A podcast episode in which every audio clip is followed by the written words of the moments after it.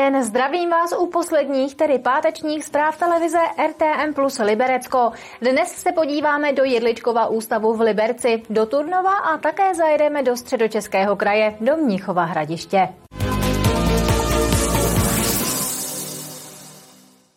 Část Jedličkova ústavu v Liberci prošla modernizací. Celé třetí patro budovy je po renovaci a do jednotlivých pokojů přibyl nový nábytek. Celkově je tady devět bytových jednotek.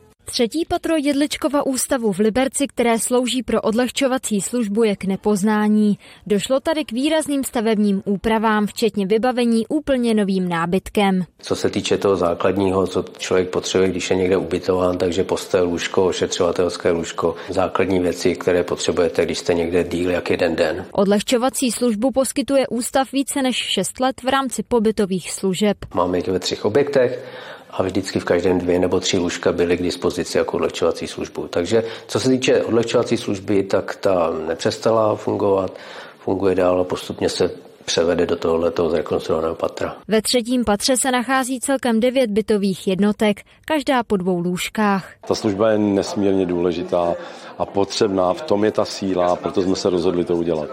Ale vzhledem k tomu, že to stálo celé přes 25 milionů, tak tady se objevily i věci, které tady průběžně s tou výstavbou komplikovaly celou tu výstavbu, ať už jsou to stropy, krovy, ale byla to i samotná výstavba výtahu, ale taktéž třeba obnova a rekonstrukce celé kanalizace. Proto jsme se došplhali do této částky. Našimi klienty jsou lidi od 3 do 65 let se zdravotním postižením s kombinovanými vadami.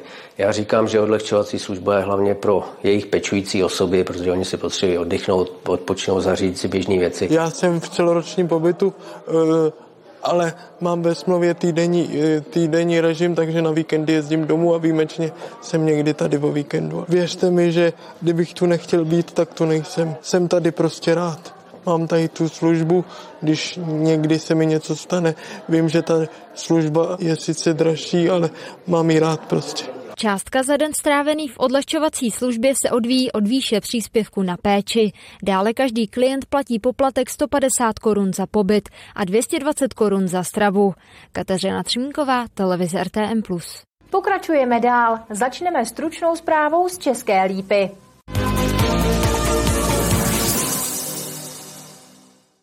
Česká lípa připravuje architektonickou soutěž na knihovnu. Město teď kompletuje veškeré potřebné dokumenty a připravuje podmínky architektonické soutěže.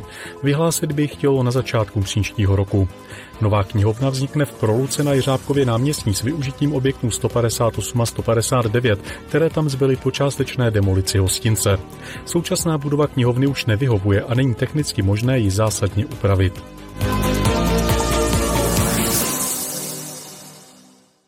Roky připravovaná modernizace městského plaveckého stadionu v Liberci, který je ve špatném technickém stavu, zřejmě nezačne ani příští rok. Další odklad by ale chod bazénu podle náměstka primátora Petra Žitka ohrozit neměl. Plavecký areál postavený téměř před 40 lety přitom modernizaci nutně potřebuje. Důležitá technologická zařízení už dosluhují, do budovy také zatéká. Podle posudku od ČVUT je na odstranění závažných vad potřeba 140 milionů korun. Na nejnutnější opravy radnice letos vydala skoro 17 milionů.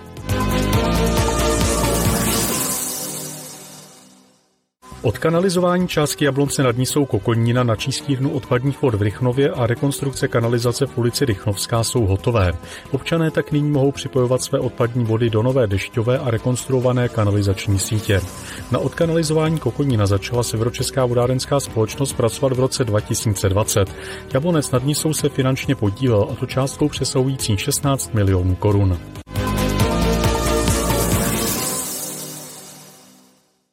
Turnov zvažuje nákup dalších pozemků na koňském trhu. Tentokrát bude v aukci usilovat o část areálu bývalého mlína. Vyvolávací cena přesahuje 25 milionů korun. Koňský trh je zanedbaná lokalita v Turnově, kterou by radnice ráda přeměnila na druhé centrum města s bydlením, službami a rekreační zónou. Nejprve ale musí v této oblasti nakoupit pozemky.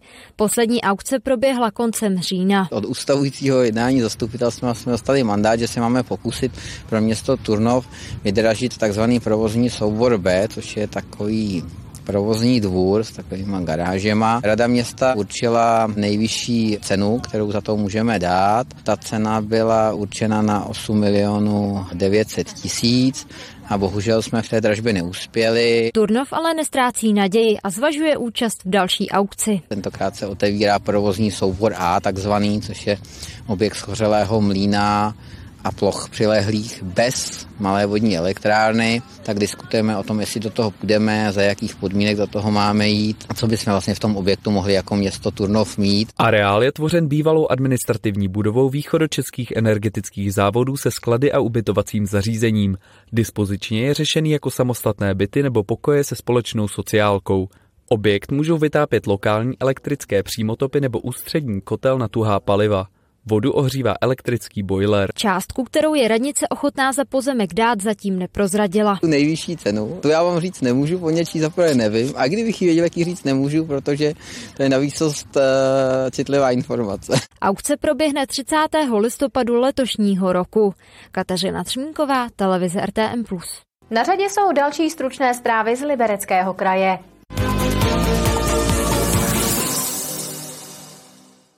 Liberecký kraj daroval obcím a městům pozemky. Jedná se o téměř 31 tisíc metrů čtverečních. Obce a města na nich vybudují chodníky a cyklostezky podél silnic, čímž zvýší bezpečnost chodců a cyklistů na jejich území. Kraj zároveň pracuje na majetkoprávním vypořádání pozemků, včetně silnic, které do budoucna vyřadí z krajské silniční sítě. Začátkem listopadu dokončil Liberec stavbu dětského hřiště v ulici Vackova v Doubí. Významně se v poslední době mění i lesopark Burjanova v Rochlici. Doubí považujeme za poměrně zatížené sídliště, jak parkováním, takže si zaslouží aspoň děti nějaké poveselení. Rozhodli jsme se 3 miliony korun uvolnit na dětské hřiště, které má krásné nové prvky, například prolézací letadlo. Lesopark Burianova ulice patří do sídliště Rochlice a bylo to jedno ze sídlišť, které jsme si vybrali k tomu, abychom tam pro děti e, ještě něco letos udělali.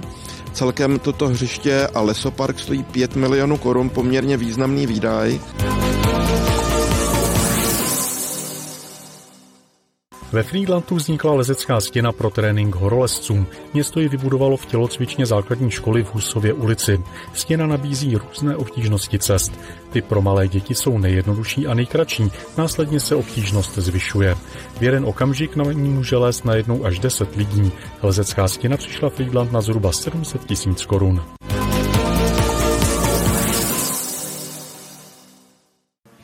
Hradiště je 48. místo na celém světě, kde si můžete sednout na lavičku Václava Havla.